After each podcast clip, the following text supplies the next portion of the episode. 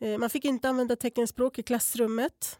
Så att, eh, ja, man stal ju egentligen utbildningen från eleverna. De skulle lära sig att tala och läppavläsa vad läraren sa.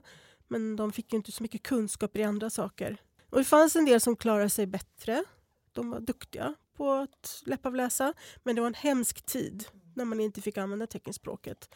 Och det har påverkat väldigt många. Man har, lider av språkdeprivation, man har inte alls samma kunskapsnivå som andra, man kanske inte riktigt kan läsa och skriva svenska. Utan man skulle bara lära sig att tala och avläsa språket på, när någon talade det.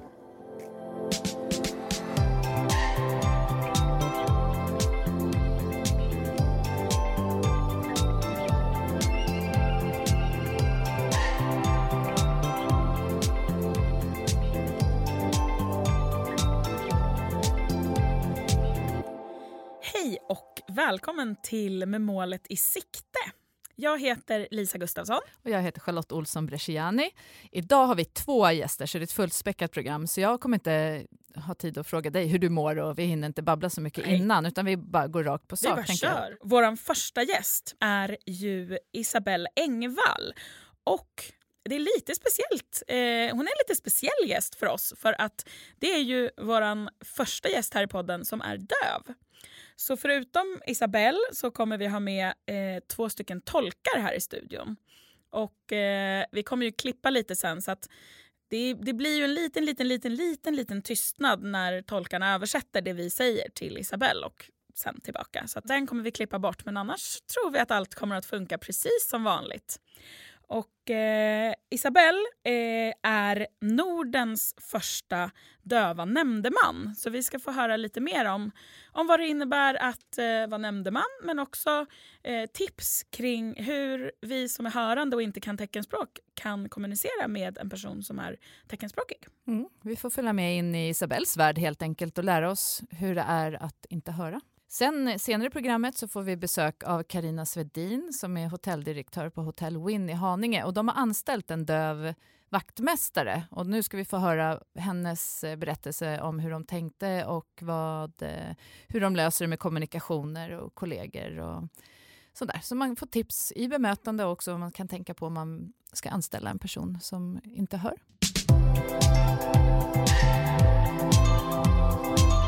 Varmt välkommen hit Isabelle Engvall. Tack. Berätta lite, vem, vem är du? Stor fråga. Ja, Eh, och man kan beskriva mig med många, väldigt, väldigt många ord. Eh, Jag är samhällsaktivist, jag är eh, intresserad av livet, kunna påverka saker och ting i viktiga frågor. Teckenspråket till exempel. Sen är det många andra saker jag tycker om. Ja, jag är enkel. En ganska enkel person. Vad härligt. Har du familj?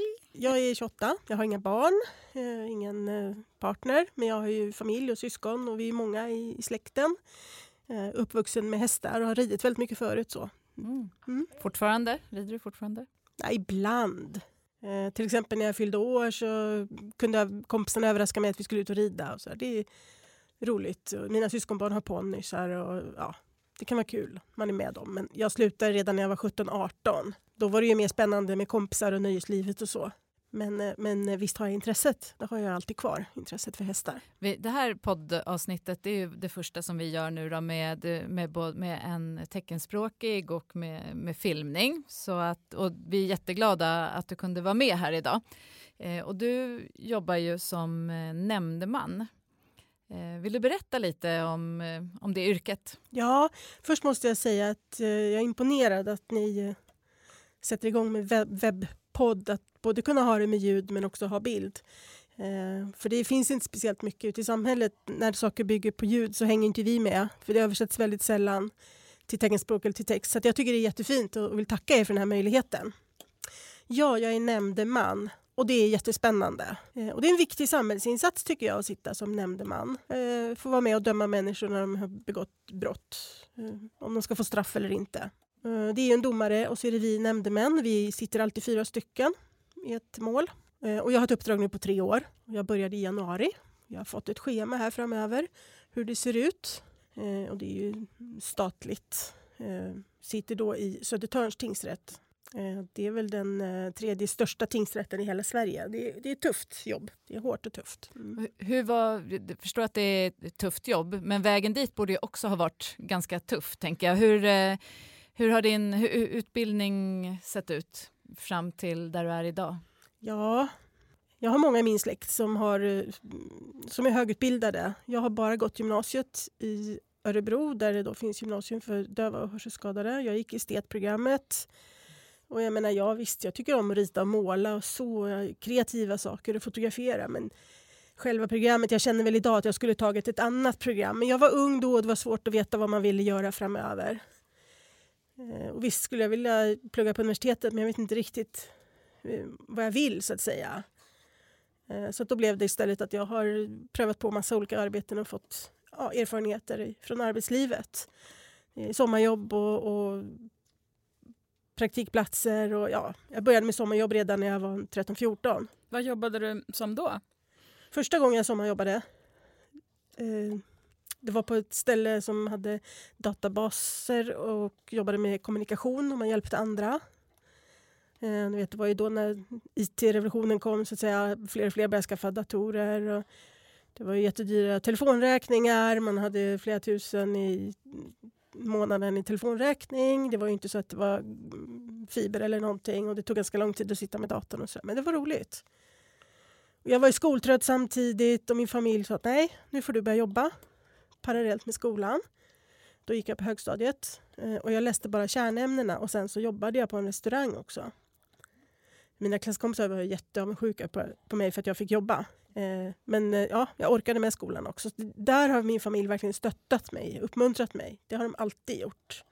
Jag är ensam döv i min familj. Men jag har fått den attityden från familjen under hela uppväxten att jag ska kämpa, jag ska inte... Mm, ja, det finns inga hinder så att säga för mig. Ja, så du har jobbat inom restaurang vilka, och, och IT då, då? Vilka andra branscher har du, har du varit inne i? Ja, en massa olika. Eh, jag har både jobbat som eh, att laga mat och servera på restaurang. Och då när jag bodde i Örebro så bodde jag på ett elevhem, man ska säga ett kollektivboende för gymnasieungdomar. Och där lagade man mat tillsammans på helgerna och det tyckte många var roligt att jag gjorde. Sen har jag bott i England eh, och jobbade på restaurang. Jag var väl 20 år då. Så att restauranglivet har jag prövat på. Men eh, ja, sen tycker jag om att skriva och skriva en blogg. En period så var det ju jättepoppis att skriva bloggar. Eh, och det var flera tusen i veckan som besökte bloggarna. Mm. Så jag var väl bland tio i topp. Och jag har alltid varit sån som tycker om att skriva. Och sen har det bara fortsatt. Jag har prövat på olika saker. Jag har jobbat på SVT, jag har varit arbetsmarknadskoordinator, jag har jobbat i projekt, försäljare. Ja. Och idag så jobbar jag på ett företag eh, som kommunikatör och säljare. Men är du alltså, då har du en huvudsaklig eh, sysselsättning, ett, ett annat jobb och nämndeman är som en bisyssla då eller? Ja precis, det, det är parallellt. Mm. Jag har ett schema som jag följer och när jag har mina pass att säga. Det är inte heltidsjobb, det är det absolut inte. Utan det är ett extrajobb precis. Eh, och samtidigt som jag då lär mig om, om den världen, så här, så här, om, om rättsväsendet. Och det känns... Ja, jag är jätteintresserad av det. Jag har väldigt flexibelt arbete och det passar väldigt bra. Idag jobbar jag på distans. Eh, så jag kan sitta faktiskt lite var som helst. Jag kan vara ute och resa och vara ute och föreläsa och samtidigt ha mitt jobb så att säga. Så att jag är ute i olika talarforum och, och föreläser. Och det är jättebra, för då, då passar det mitt jobb som nämndeman också. Det kanske är så att nu när du lär dig mer om rättsväsendet, det kan, då kanske du hittar det som du vill utbilda dig i plötsligt. Vem vet? Kanske.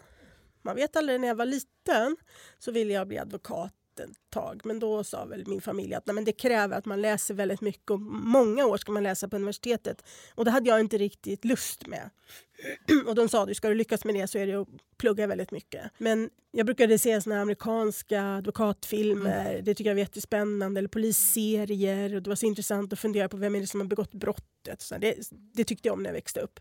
Så att, eh, ja, det blir någonstans idag en check av mitt intresse så att säga. Mm. Ja, du är ju den och jag är jätteglad. Jag ska pröva de här tre åren och se hur det är. Sen har jag väl funderat kanske på om jag, om jag ska läsa något inom juridikområdet ett tag. Liksom. Kanske på distans eller någonting. Vi får se. Men mm. hur blir man nämndeman? Om, om eh, jag eller Charlotte skulle få för oss att vi vill också bli nämndeman. Vad, är det politiskt eh, som, som nämndemän tillsätts? Ja, eh, jag märker faktiskt att det är väldigt många som inte alls vet hur man blir nämndeman och de, många tycker det verkar bli spännande. Det finns två sätt. Man kan ansöka på domstolens hemsida att man vill bli nämndeman. Sen kan man gå en annan väg och det är via eh, politiken. Man, man blir tillsatt via politiken. Olika politiska partier söker nämndemän. Då kan man också lämna sitt intresse. Och, och sen ja, beror det på vem de, vem de då väljer. Först ska man ju då ha ett medlemsmöte och bli godkänd. så att säga. Och sen så tittar ju också domstolen på att man har en, en eh, ja, felfri bakgrund så att säga för att du ska, sen ska kunna bli utnämnd som nämndeman. Sen när du är nämndeman då får man inte vara politiskt aktiv. Och det är väldigt viktigt att tänka på. Ja, vad spännande. Jag, tror det är nog, alltså jag känner att jag vet väldigt lite om, om hela rättsväsendet i stort. Det kanske är positivt. Det kanske betyder att jag inte har behövt vara i kontakt med dem så mycket. eh, men, men då sitter du eh, med... Det är lite som att, att eh, du är som en, en typ av jury eller, eller vad, vad är din roll? Ja, eh, nämndemännen plus domaren sitter ju då och dömer i olika rättsfall. Tar beslut vad, vad straffet ska bli för den som då är misstänkt. Och nämndemannarollen är väldigt viktig för då får man med olika perspektiv från samhället, eh, olika erfarenheter. Eh, och det ska vara neutrala personer. Eh, oftast är det så att man inte är jurist själv eller väldigt specialiserad inom juridik utan man har olika bakgrunder. Och det tycker jag är ett jättebra sätt. Att jag som döv kan bidra med min kunskap och teckenspråket kommer att synas i rättsvärlden. Det tycker jag är bra. Men du dömer inte liksom bara fall som, hand, som, som gäller andra teckenspråk utan du dömer alla möjliga typer av fall? Ja, det blir komplicerat. Eh, vi har ju gått en utbildning då för att bli nämndeman. Och man får svära en ed och så vidare. Och I den här utbildningen så diskuterar vi jäv. Och det är väldigt komplicerat. Därför I Sverige så finns det kanske 20 000 som använder teckenspråk, döva och hörselskadade. Och jag känner väldigt många av dem och då känner jag att då måste jag avstå sådana fall, att jag ska vara med och döma. Men om det är någon som jag absolut inte känner, om det kanske är någon äldre person som använder teckenspråk eller någon som jag absolut inte vet vem de är, då skulle det kunna vara okej. Okay. Så jag får verkligen tänka efter vad jag har för kopplingar för att undvika att hamna i en jävsituation. Men jag tror att det kommer hända väldigt sällan. När du sitter som nämndeman så har du tolk med dig då också? Ja, det har jag. Eh, I domstolarna har man väldigt hård eh, tolkpolicy. Du ska ha auktoriserade tolkar. Och Det är svårt därför att i Sverige finns det bara två teckenspråkstolkar som är auktoriserade rättstolkar. Jaha, det ja. finns väldigt många auktoriserade tolkar. De har ju kunskaper och så. Men de är inte rättstolkar. Och domstolarna är väldigt hårda på det. Att jag måste ha det. Och det, det finns bara två, det kommer ju inte räcka. Så där är jag lite orolig för hur det ska bli. Eh, jag måste försöka ta reda på lite mer om jag kan använda tolkar som är auktoriserade, som ändå har erfarenheten inom juridikområdet. Och de är så pass hårda eftersom jag som nämndeman sitter med och dömer och då är det ju väldigt viktigt att ha auktoriserade rättstolkar så att inte jag ska kunna få kritik eller domstolen ska få kritik. Om det är rättstolkar så har de rätt kompetens. Mm. De har gått igenom och blivit godkända ett speciellt prov och får då tolka i domstolen. Och som sagt, det finns bara två stycken teckenspråkstolkar inom det området i hela Sverige. Då är det en bra bransch om eh, tolkar vill vidareutveckla sig eller vidareutbilda sig ska säga finns det ju alltid jobb förmodligen framåt. Och jag hoppas det. För jag personligen tycker att det behöver vara fler tolkar som, som gör den auktorisationen som rättstolk. Mm. Så att det finns flera i framtiden. För då kan jag också delta fler gånger. Jag har ju ett fast schema så att säga eh, med fasta tider där jag ska vara. Men sen ibland finns det också så ett, ett tillfälligt schema där jag, ja men skulle du kunna komma imorgon till exempel. Och där mm. kan det bli svårt att ordna tolkar med så pass kort varsel. Mm. Men om, man, om vi går över lite på teckenspråket då. Många eh, har ju inte träffat någon som pratar teckenspråk och kan inte så mycket eh, om hur det är uppbyggt och om det är nationellt eller internationellt eller hur man... Vill du berätta lite om eh, teckenspråket? Ja, jag har sett det. Det, det är liksom ett livstidsprojekt egentligen att sprida den här kunskapen ut i samhället. För det är många frågor som alltid kommer tillbaka.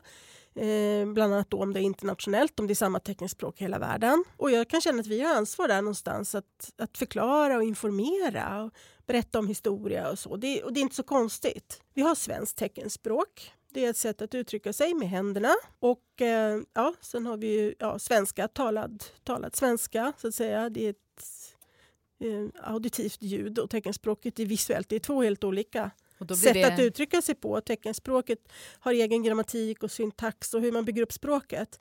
Eh, talat språk är uppbyggt på ett helt annat sätt. Och som jag sa så har vi då svenskt teckenspråk och runt om i världen så finns det ungefär 160-170 olika teckenspråk. Ungefär. Och cirka 70 miljoner människor som använder teckenspråk runt om i världen. Mm. Har ni som vi eh, då ett, ja, men vi har engelska som ett andra huvudspråk eller man säger det som man använder generellt.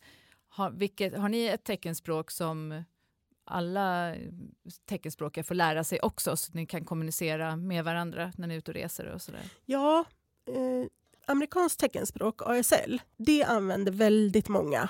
Eller så kan vi ha något som kallas internationella tecken. Och det är inte ett teckenspråk utan det är lite mer internationella överenskommelser hur man uttrycker sig på. Men, men ASL eller internationella tecken det är något som man kan använda för att förstå väldigt många runt om i världen. Men jag tänker att eh, många som, som jag träffar har inte riktigt kopplat det här att, att eh, ni som har teckenspråk som ert första språk har ju egentligen svenska som ert andra språk. Utan man tänker att ja, men, eh, om man pratar svensk teckenspråk då kan man läsa svenska liksom lika bra som alla andra eller att man kan skriva svenska lika bra som alla andra. Men att, att det blir ju som två olika språk som, som du pratar då egentligen eller lär dig. Ja, den frågan dyker också alltid upp. Och jag brukar förklara som så att men vi här i rummet, vi pratar svenska och jag använder svenskt teckenspråk. Men vi skriver svenska och läser svenska. Eh, det är det som alla kan och det är självklart att, att vi ska kunna läsa och skriva svenska. Men sen är det två olika uttrycksformer hur vi sen talar språket. Jag är född döv och uppvuxen döv och som kommunikationsmedel så fick jag teckenspråk. Det är inget konstigt. Eh, vill ni lära er teckenspråk så kan ni göra det såklart. För det är något som alla som hör kan lära sig. Mm. Eh, små hörande barn som lär sig teckenspråk när de är små, de kan också det. Eh, nu har vi ju två tolkare här. Jag menar, hur har de lärt sig teckenspråk? Eh, det är precis samma sak om man, om man tänker att ja, men svenska, att du lär dig svenska. Och kunde alla teckenspråk, kanske man fick lära sig det redan som var små, så skulle väldigt många fördomar försvinna i samhället. Mm. Skulle ha det som Och det finns, finns många i Sverige som inte kan teckenspråk. Alltså det spelar ingen roll om man är hörande eller döv eller hörselskadad eller har en släkting eller, eller så som ändå använder teckenspråk. Alltså de är inte döva, men, men eh, ja, en halv miljon säger de idag, är det som kan teckenspråk. Och det är jätteviktigt. Så det är jätteviktigt att man lär teckenspråk till många redan i grundskolan. Eh, och på så sätt så sprider man kunskap om språket och man får lära sig om dövas historia. Ja, många sådana saker. Då till sist blir det någonting som är normalt. Mm. För teckenspråk har inte alltid eh, räknats som språk i Sverige, eller hur? Nu är det liksom eh, klassificerat som ett, ett språk. Men när, när blev det det? Ja, vi har språklagen, men eh, teckenspråket blev beslutat 14 maj 1981 att det fick användas som undervisningsspråk i skolorna. Innan dess var det det vi kallar oralismen, att det skulle vara oralt, att man skulle tala. Jag fick ju teckenspråk redan från det att jag var liten. Då var man väldigt mycket medveten om det här i samhället, att det var bra med teckenspråk och man fick, ja, vad ska man säga, rätt information och stöd och hjälp från hörselvården till exempel och andra. Att, att det var viktigt att lära sig teckenspråk och att barnen fick teckenspråk. Och behövde man hörapparat så fick man det också så att man kunde lära sig att tala. Och det här pågick väl ganska länge, ja, men nästan 40 år. Men tyvärr idag så är det inte lika starkt eh, som de nationella minoritetsspråken. Det har inte riktigt lika stark ställning och vi jobbar verkligen för att teckenspråket ska få lika ställning som minoritetsspråken. Men innan då, när man, innan det blev erkänt i, ja, som man fick använda det i utbildningarna, hur fick de som var teckenspråkiga då, eller helt döva, hur skulle de ta till sig all, sin utbildning? Och hur klarar de sig i skolan? Det finns lite olika historier om det. Eh, man fick inte använda teckenspråk i klassrummet. Så att, eh, ja, man stal ju egentligen utbildningen från eleverna. De skulle mm. lära sig tala och läppavläsa vad läraren sa. Men de fick inte så mycket kunskaper i andra saker. Och det fanns en del som klarade sig bättre.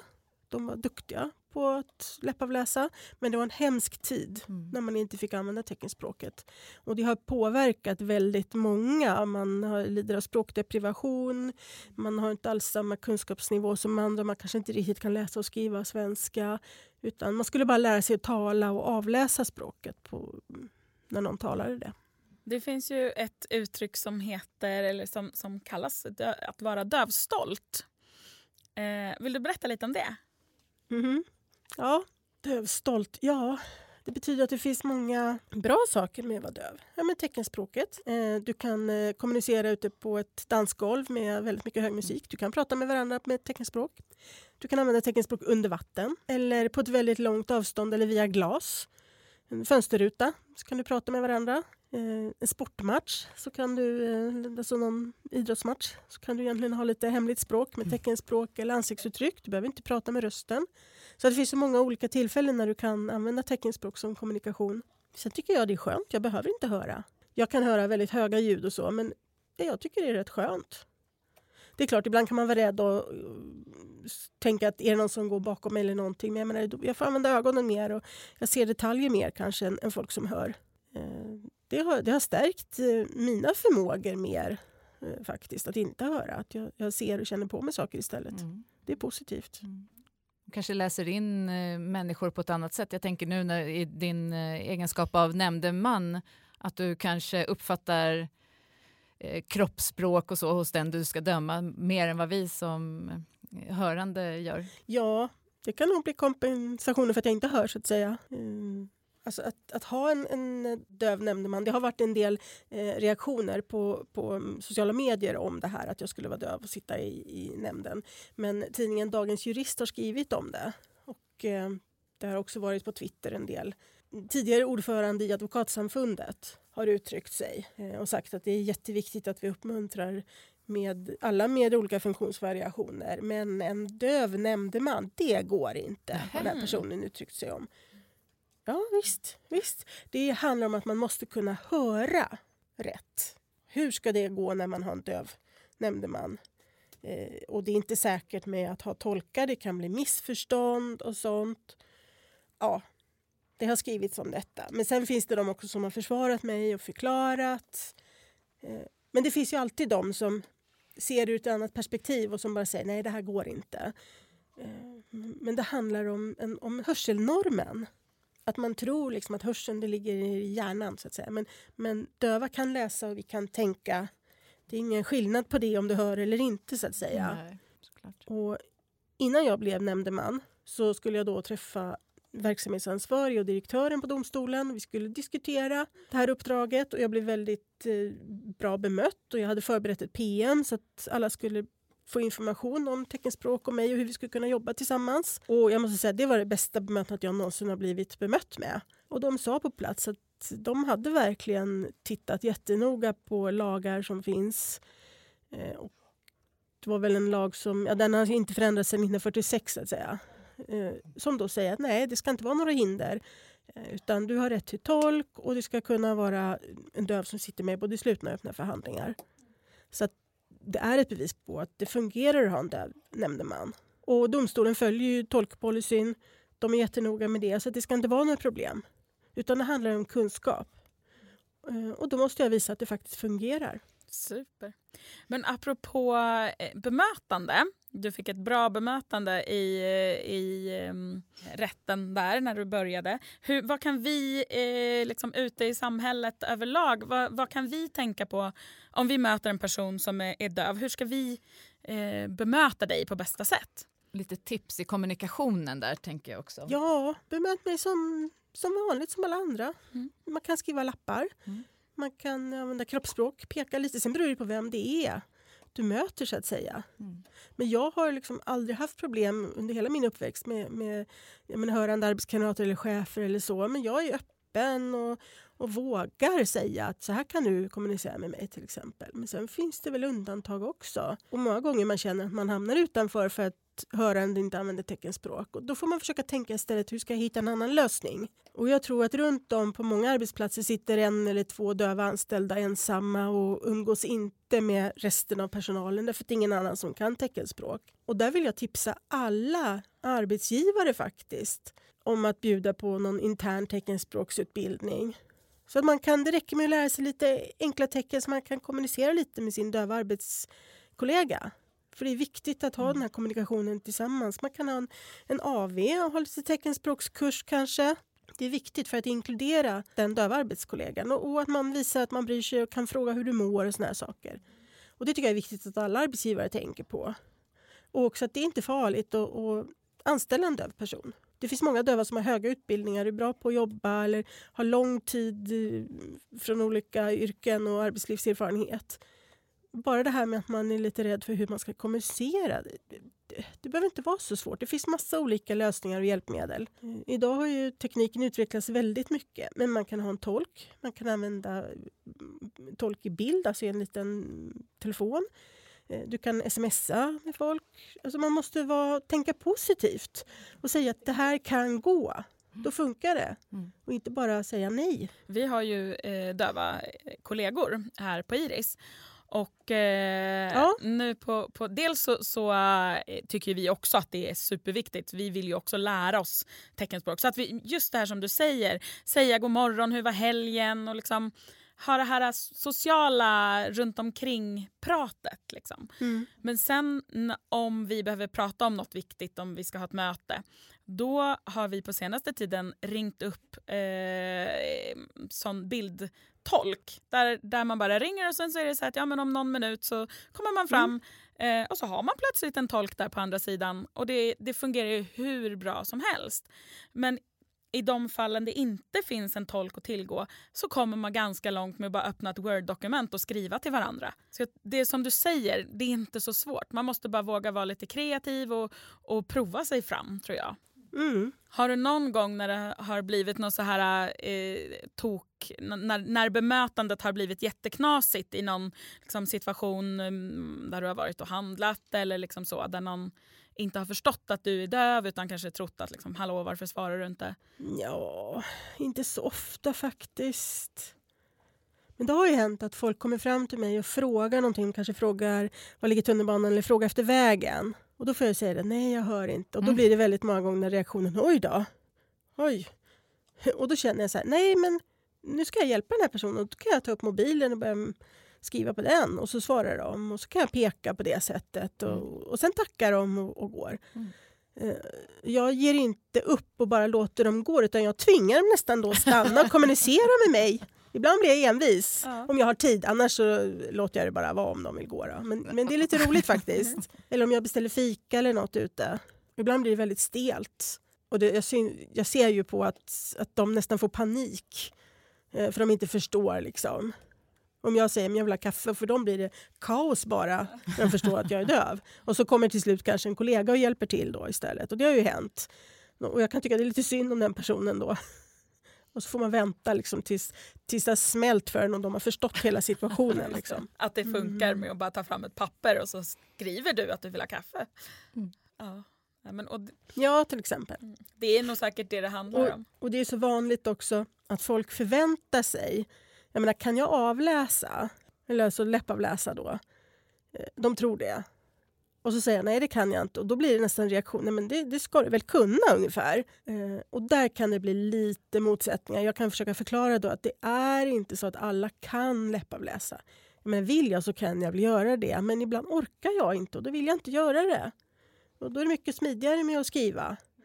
Eh, och då tycker väl en del att det är bara jobbigt att, att skriva med papper och penna.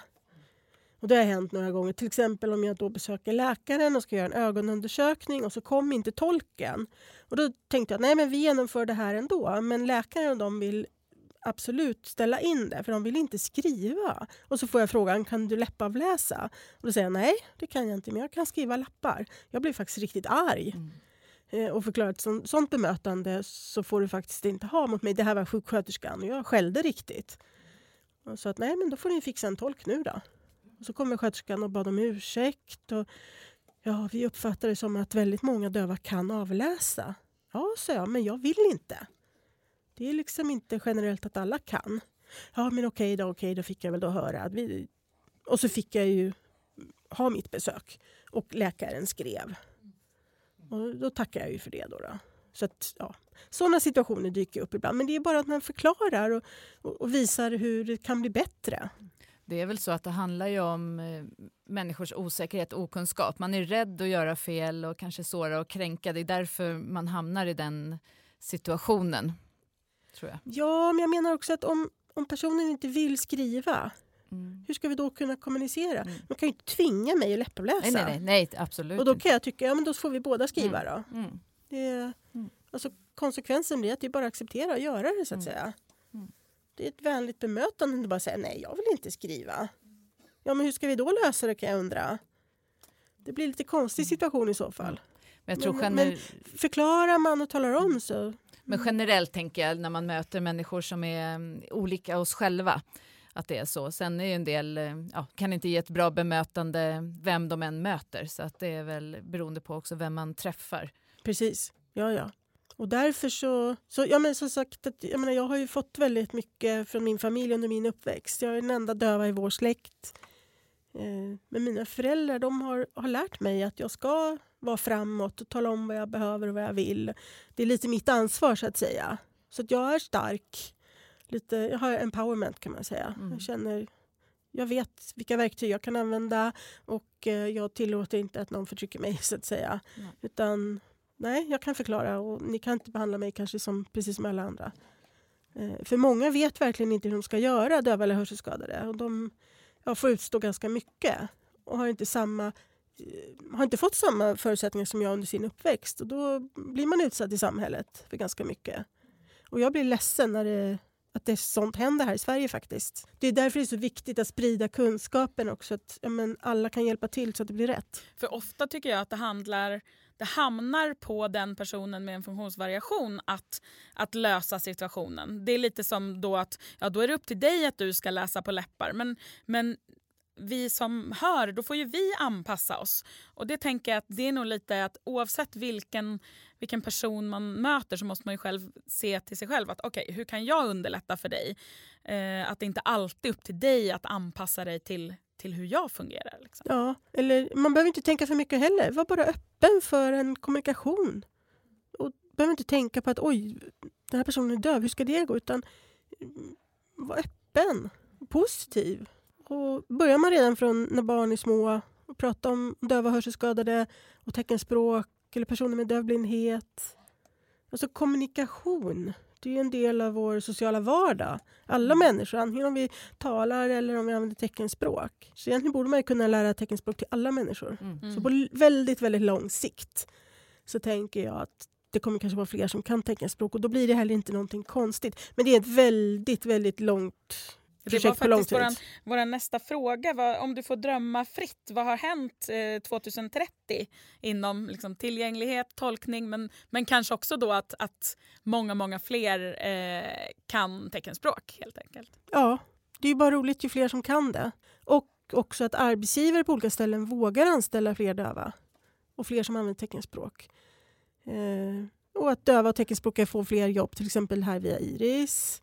Iris kan göra väldigt mycket för teckenspråkiga personer. Det är ett jätteviktigt ställe eh, vi pratar om arbetsmarknaden. Så ja, det är väl min, min tanke också i framtiden att, att språklagen ska kunna höja teckenspråkets status så att vi blir helt jämställda med minoritetsspråken i Sverige. Och att teckenspråket ska synas mer. Sen har vi tolkfrågan också. Det, tolksituationen behöver förbättras mycket mera. Att vi ska få fler tolkar och att man får tolk mer ofta. Och det behövs mer pengar till, till tolk och att man får tolk i arbetslivet. Om man är nu eh, en hörande person som vill lära sig mer teckenspråk, har du något tips på hur man, vad man kan lära sig sånt eller någon webbsida eller hur, om man vill bara utöka sitt eh, ordförråd och lite grann? Ja, då, ja då. Det finns olika ställen där man kan söka kurser. Korta kurser eller längre kurser. Det finns olika företag som har kurser på teckenspråk. Universitetet kan man läsa på om man vill bli tolk. Eh, Men vill man bara lära sig lite grundkunskaper så finns det många ställen som erbjuder teckenspråkskurser. På internet Och, då? ja, arbetsplatser kan ha en app. Det finns app också. Mm. Ett teckenspråkslexikon i en app. Den kan man ju sitta kanske på tunnelbanan eller bussen om man vill och lära sig lite tecken. Mm. Det går alldeles utmärkt att använda den helt själv. Mm. Och, ja, internet. Om man skriver teckenspråk så kommer det upp väldigt mycket träffar Mm. på internet. Mm. Jag har en eh, femåring hemma och han älskar ju att se de här eh, vad är det, tecken, någon hiss eller det, massa teckenspråkiga barnprogram i alla fall. Det finns ju stort utbud av det. Bokstavshissen, Bokstavshissen. ja. Just det, det. Mm. Bokstavshissen, Eh, just det. Med, Och han lär sig ju så det. snabbt Mm. så att uppmuntra barn, ha fler eh, barnprogram som är tolkade. Vad Det är ju jättekul, de snappar ju upp så snabbt. Ja, verkligen. Och det är ett tips också att menar, hör av dig till UR eh, och säg att, att din son är jätteintresserad av Bokstavshissen och att det är ett bra program. Eh, det spelar ingen roll om man hör eller inte. Jag tror att många tycker om det. Mm. Det är jättekul. Mm. Och det är ett bevis för att det är nyttigt för alla det programmet. Så att Ja, det finns väl säkerligen forskning på men eh, att eh, små barn har lättare att lära sig teckenspråk än att prata. Eh, så att när de har fått börja lära sig teckenspråk när de är sådär, eh, ja, men, mm, runt ett, kanske ännu tidigare, så är det lättare att kommunicera med sitt barn då. Att man kan liksom, ja men är du hungrig eller ja, men, trött? Alla de sakerna förstår barnet på teckenspråk men Ja, kan ja, själv ja, inte ja, förmedla. det stämmer. Oh ja, oh ja. Mm, små bebisar, om de är arga och frustrerade, men får de då ett, språk, ett visuellt språk eh, så finns det forskning som visar att de blir nöjdare. Eh, men det är konstigt därför att får du döva barn eh, så ska de lära sig tala och då menar de att det ska inte vara tecken.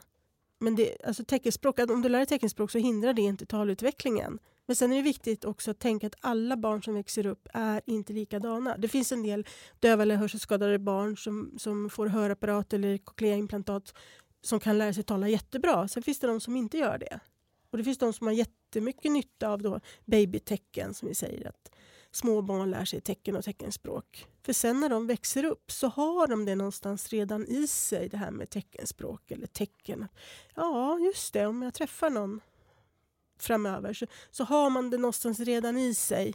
Eh, eller så växte det ett, ett intresse för att lära sig teckenspråk när man blir lite äldre. Så att det, absolut ska man ge barn tecken. För länge sedan så var det diskussion om man ska lära sig tala först eller teckna först. Men så kom man fram på att det var tecken.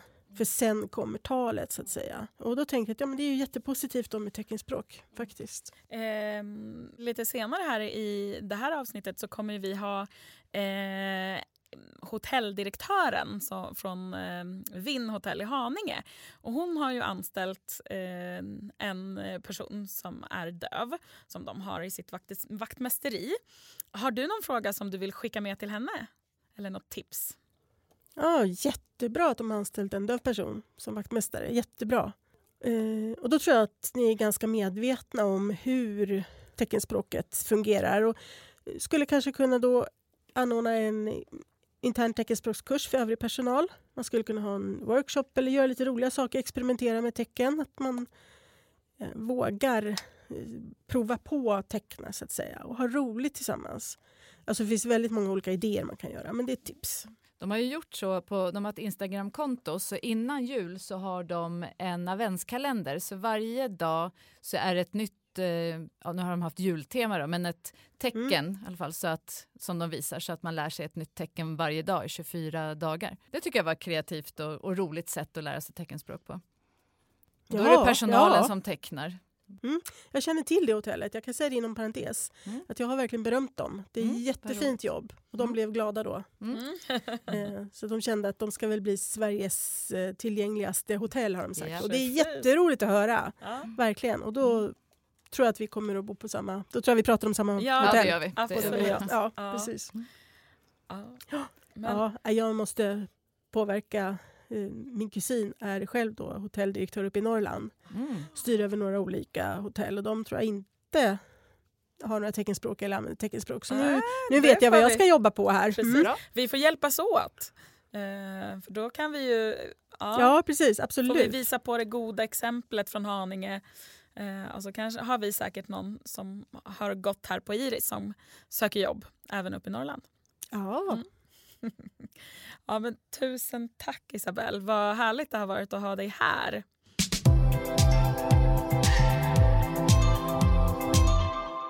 Då har vi fått in vår andra gäst för dagen i, i studion, Karina Svedin. Välkommen hit. Tack så mycket. Och du är ju också hotelldirektör för Hotell Win i Haninge. Och eh, jag tänkte, om du, kan du bara berätta lite om hotellet? Det är mm. lite speciellt, eller ni har ett speciellt tänk. Precis. Vi har ett hotell eh, som ligger i Haninge, heter Quality Hotel Win.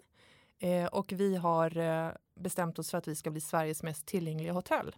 Så vi har tillgänglighetsanpassat hela hotellet så mycket det bara går. Mm. Mm. Och det är inget litet jobb ni har gjort heller? Nej. Um, vi började för fyra år sedan drygt, mm. eller fem år sedan till och med. Så vi mm. började planera det här. Mm. mm. Hur kom det sig att, ni liksom, att det var just det ni kom fram till? Att så här, det är tillgängligheten ni vill satsa på? Ja, men vi hade, vi har ju, hotellet har ju funnits sedan 1988 eh, och vi har alltid jobbat med att eh, just alla människor ska vara välkomna hos oss och känna sig väntade. Men vårt hotell var inte det riktigt. Hårdvaran var inte riktigt med. Mjukvaran fanns ju där, men inte hårdvaran. Så när vi fick möjlighet att bygga om hotellet så eh, ville vi eh, göra det tillgängligt för alla. Mm. För ni har ju också en sån här uh, en 100-lista, eller en 200-lista? 100? Vi vill att den ska bli 200. 500-lista. ja, 124 punkter är det nu. 124, ja, det jobbar sig uppåt ja. mot 200. Mm. Men ni har en sån lista och vad är det för lista? Ja, men det är en lista som man kan gå in och titta på för att se vad man kan förvänta sig hos oss när man kommer till oss. Vad vi har gjort för anpassningar. Och det är allt från eh, bredd på dörrar till eh, ramper till eh, senaste inköpet vi har nu är eh, tyngdtecken som man ah, kan få låna. Också. Ja. Så det är allt, eh, vi fyller på den hela tiden med mm. nya saker. Och så här tyngdtäck, bokar man det i receptionen då när man kommer eller har ni det på vissa rum som vi standard? Tänk, ja, eller? vi tänker att man ska få boka dem i ja. receptionen. Mm. Mm. Smart. Mm. Ja, Toppen. Det, ja. Vilken av de här anpassningarna har varit eh, svårast att få till? Men egentligen alla där vi var tvungna att ha kontakt med byggherrarna och mm. Eh, arkitekter och eh, så fort det kostar pengar att bygga. Det har varit svårast att få igenom. Mm. Eh, Sen är det alltid roligt att addera på saker så här efterhand och ändra det man kan. Men svårast har nog varit att få vara med andra på tåget faktiskt. Mm. Mm. Mm. Och förstå vikten av det Precis. hela. För det var lite, ni hade redan förstått vikten eftersom mm. att ni, ni hade målgruppen hos er och visste att så här, okay, här är en tröskel eller här ja, men, går inte kommunikationen hela vägen eller mm. vad det nu kan vara. Så att ni hade ert varför till varför ni ville. Ja, och en buffé behöver inte byggas i en hög höjd. Den kan byggas i en lägre höjd och fungera för många.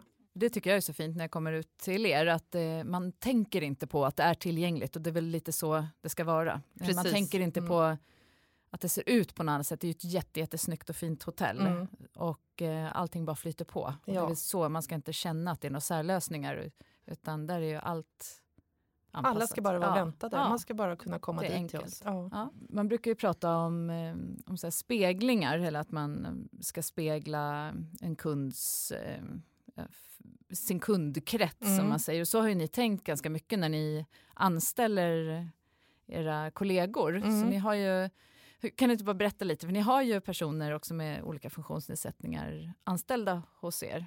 Ja, det har vi. Mm. mm. Vi har en vaktmästare mm. som är döv vi har en kille som kommer in till oss två dagar i veckan och eh, han har Downs syndrom. Eh, ett samarbete med kommunen som vi har. Han kommer från dagliga verksamheten. Eh, vi har personer med NPF-diagnoser som jobbar hos oss och en kille nu som sitter i rulle mm. som är servitör. Jaha, mm. är han? Mm. Vad häftigt. Ja. ja.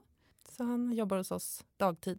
Ja, men eh, den, här, eh, den döva killen då, mm. vi har ju precis haft ett eh, avsnitt eh, som handlar om, om teckenspråk och eller vi har träffat en mm. fantastisk tjej som heter Isabelle. Och när ni eh, gjorde en, er anställning där, eller med, med er vaktmästare som är döv, hur, hur gör ni när ni tänker på kommunikationen för att det ska funka bra där? Ja, men dels har vi varit tvungna hitta lite olika typer av kommunikation. Vi är så vana med att prata med varandra, men nu vi har fått lära oss att teckna. Eh, vi eh, skriver mycket. Vi använder oss av whiteboardtavlor, sms.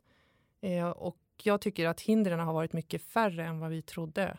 faktiskt. Men det är väl lite så det är hos olika företag, kanske om man ska anställa en person med någon form av funktionsvariation, att, att rädslorna gör att man, kan, man tror att det är krångligare än vad det är.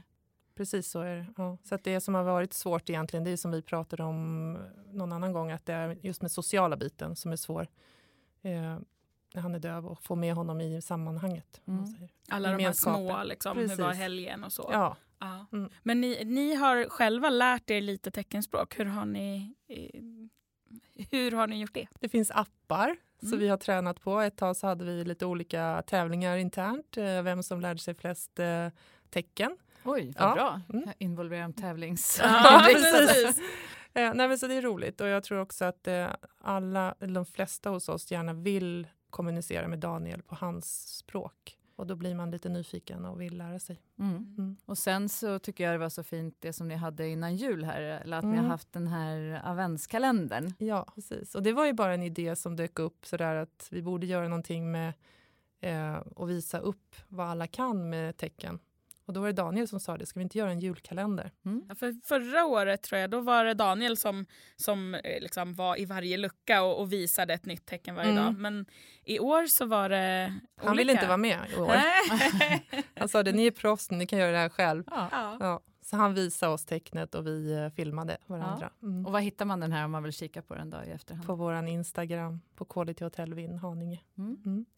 Det är ett kul sätt att, att göra det med, med Mm. värme och humor. tänker jag. Så nu har vi eh, lite nya planer. Vi ska fortsätta det här. Vi ska inte vara en adventskalender. Vi ska ju vidareutveckla det här nu. Vill ni avslöja något? Eller? Nej, ni får Nej. gå in och följa oss på Instagram. Alltså, oj, oj, som en barsk, rak röst. alltså, det blir inga avslöjande här inte.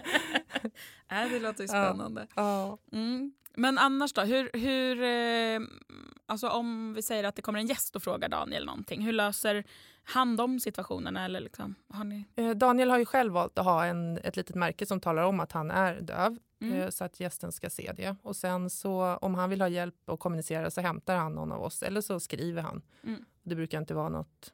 Jag har aldrig hört att det skulle vara något bekymmer. Nej, utan det är snarare att det, blir, det berikar er, att ni Ja. har fått lära er en massa saker på vägen. Ja, precis. Och de tycker det är lite roligt att se när vi försöker teckna med honom. Ja, just det. Ja. ja, man, Ja. kan, man, kan, eh, man får öva lite innan man sätter det, Det- helt rätt kanske. Det får man göra. Mm. Mm. Men eh, om man nu som, eh, som företag, då, nu är ni proffs på det här och har liksom flera år nu som ni har övat och jag har säkert också gått på missar och trott att man ska göra så här, det här blir nog bra och så kanske inte blir det. Så. Men, men eh, om man nu som företag vill eh, anställa en person, säg att, man, att det är en person som är döv eller har någon annan funktionsvariation, Mm. Har du några bra tips till dem hur de kan göra om man känner så här, ja, men det här, vi är öppna för det men vi vet inte hur vi gör eller vi är rädda, vad, vad ska vi tänka på? Men testa. Vad kan gå fel, tänker jag. Det är liksom... ehm, ja, det är bara det. Testa, våga. Mm. Se inte så mycket hinder. Se möjligheter istället. Se vad det berikar, se vad det gör med er verksamhet att ha en person som faktiskt är lite annorlunda eller Mm. inte som alla andra. För det är ju återigen där att man kan spegla sina gäster, att det skapar ju också en trygghet. Om jag som kommer med rulle så ser jag att det jobbar en person i rulle, då tänker jag så okej det funkar för honom som jobbar här, det borde Ja. ju funka för mig och att det finns en förståelse. Mm. Och vi kan ju mycket, men vi är långt ifrån eh, klara med vårt arbete. Och han som Isak som han heter som är hos oss nu, han hjälper ju oss eh, att utveckla oss som anställd. Vi har jobbat så mycket med att ta emot gäster, Mm. men nu är första gången vi har en kille faktiskt som sitter i stol som jobbar hos oss. Mm. Och han hjälper oss att utveckla oss på ett annat sätt. Mm. Det är spännande, just i, i serveringen också. Mm. Men eh, kör han och håller i en jag som har ett- förflutet som Ja. servitris, nu vill jag också prova att jobba hos er. Men eh, vad kör han? Håller han i en rulla med en hand eller har han bricka? Han har hur? bricka som sitter fast i stolen, Ja. som är jättebra. Så hittills har vi inte, det har, vi har inte stött på så mycket hinder. Nej. Nej, vad roligt. Ja. Ja, det är ju verkligen, man, man har så mycket förutfattade meningar om, Ja. för att alltså, till och med vi som tycker att vi är så himla möjlighetsfokuserade här, bara, ja servitris, det går ju inte. Jo, det Jo. går ju visst. Ja. Det gäller ju bara att liksom se så här, på vilket sätt skulle det kunna funka? Ja, Ja. med bricka. Ja men då så, Mm. då gör vi det på det sättet. Sen når ju inte han överallt och tar ner glas som sitter högt upp och liknande. Men det vi har ju inte jag. Nej, men jag tänkte precis säga, vi har anställda som är korta som inte når det, Mm. som inte sitter i rulle. Så att det, vi får hjälpas åt. Mm. Det, vi är bra på olika saker. Ja, precis.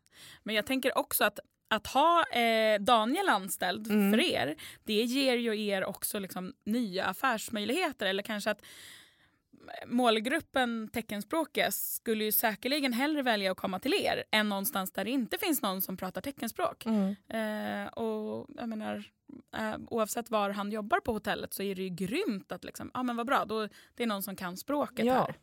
Och det är ger det som är egentligen- intressant, att det är ju det är ett språk han kan och vi vill ju alltid, det är ju en merit att kunna ett till Många språk. språk. Ja. Mm. Ja men precis och det är väl lite, det är ju det tror jag att vi på Iris också försöker liksom så här skaka Ja. på företag och, och få dem att förstå att ja, men titta inte på det här, det där kan inte den här personen. Nej, Nej. men titta på allt det här de kan då Mm, och vad till för det.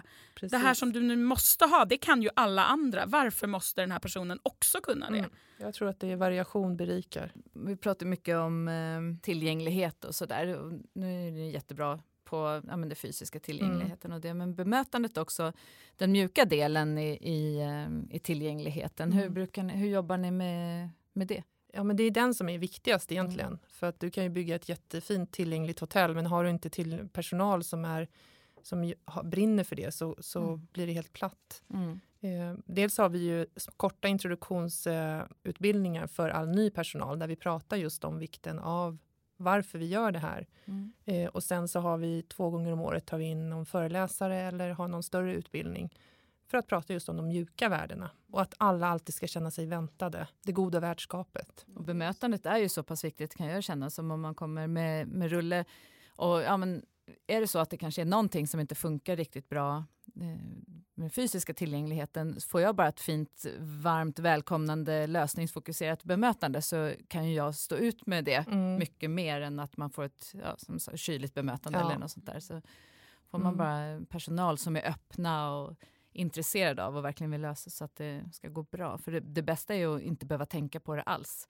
Att man ska nästan glömma att man, att man sitter i rullen. Ja. Mm.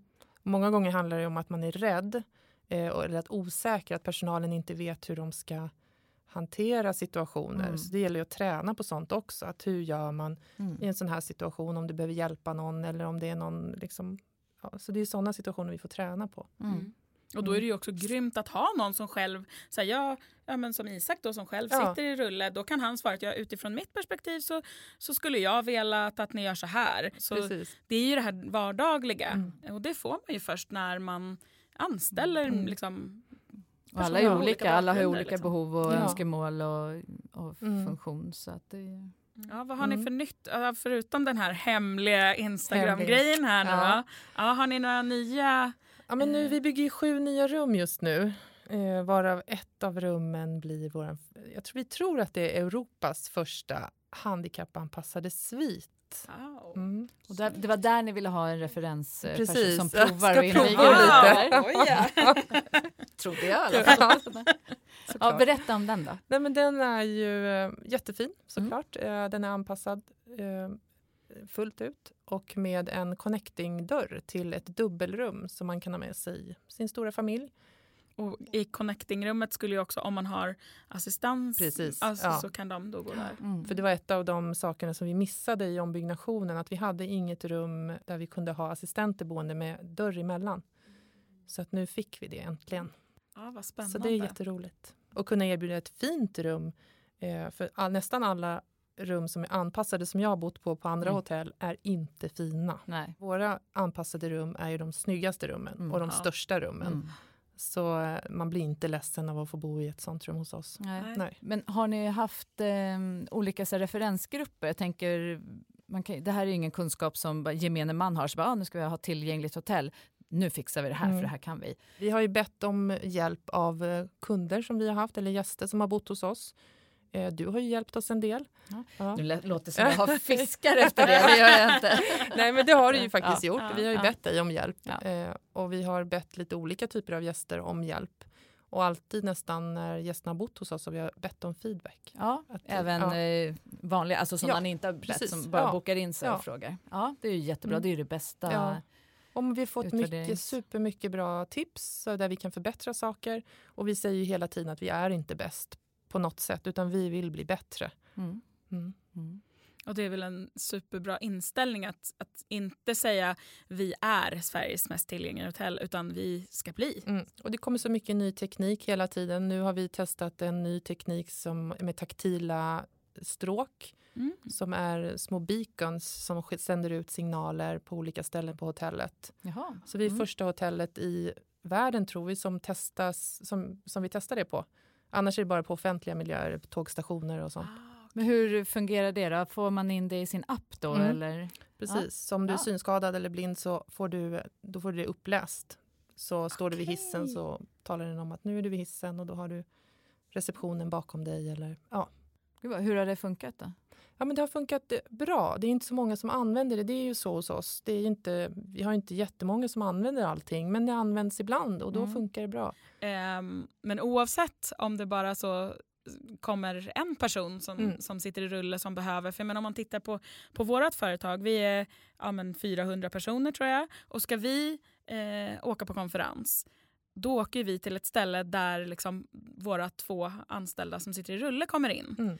Eh, så att även om det bara är en eller två som sitter i rulle eller som inte ser eller som, Mm. ja, men så, så blir det ju lite att man, man anpassar ju. Alla vi andra 400, vi följer ju med. Mm. Eh, Och det är det en här- bra affärsidé. Ja. Ja. Mm. Och de här diskussionerna har vi haft ganska länge innan vi byggde om hotellet. Mm. När vi skulle bygga låga bufféer till exempel i restaurangen så kunde ju vår gamla kökschef säga att men måste vi verkligen göra det? Det är ju bara en person som sitter i rulle eller eh, Mm. en person som har svårt att gå. Ja, men då ska väl den personen också kunna ta mat. Då kan vi Mm. väl göra så att alla kan ta istället. Och Mm. man vet inte heller hur, hur livet ser ut. Det kan ju hända vilken familj som helst. Det, Mm. Helt plötsligt så behöver man eh, anpassningar som man inte har trott tidigare. Mm. Men han eh, killen som har Downs syndrom, då, vad är Mm. hans roll på, på ert Hans hotell? roll är egentligen mest bara att sprida glädje och kramas. Och Han kramas. han kramas mycket. Mm. Han ska torka bord och eh, plocka koppar gör han och fylla på vattenflaskor. Lite enklare arbetsuppgifter. Mm. Men eh, väldigt mycket handlar bara om att han, han är där och han är glad. Mm. Mm. Och det kan ju ge hur mycket som helst. Varje För en dag, arbetsplats, varje dag är en Ja. fröjd när han kommer till jobbet. Ja. Då säger han, jag är här nu. Som ni har väntat. Jag är här nu. Ja, vad härligt. Ja. Glädjespridare Ja. behöver man ju ha på alla arbetsplatser. Ja. Och tusen tack Karina för Ja, att du... tack för att jag fick komma hit. Tack för att du kom. Ja du Lisa, hur sammanfattar vi de här två härliga gästerna nu då? Ja, jag tänker att båda, både eh, Karina och Isabelle sa egentligen lite samma sak kring ehm, att man bara ska våga. Att det handlar väldigt mycket om att våga testa sig fram och se ha, vad är det som fungerar för mig eller i den här kommunikationen. Eh, men också fråga den personen som det rör. Vad, hur, hur tycker du att vi gör det här enklast? För oftast så vet ju de själva. Vad, de är ju vana vid att liksom kommunicera. Eller vad det kan Och vara. vara lite kreativa. Ni vet ju själva vad som passar bäst i er verksamhet. Som Karina på Win som berättade att de hade haft en eh, tävling Mm. om vem som lärde sig mest tecken och sånt där. Så få igång eh, tänket Ja. och ja, kreativiteten. Medarbetarna. Ja. Ja, ja, men det tycker jag var en superbra. Vi, vi kanske ska börja med det på Iris också.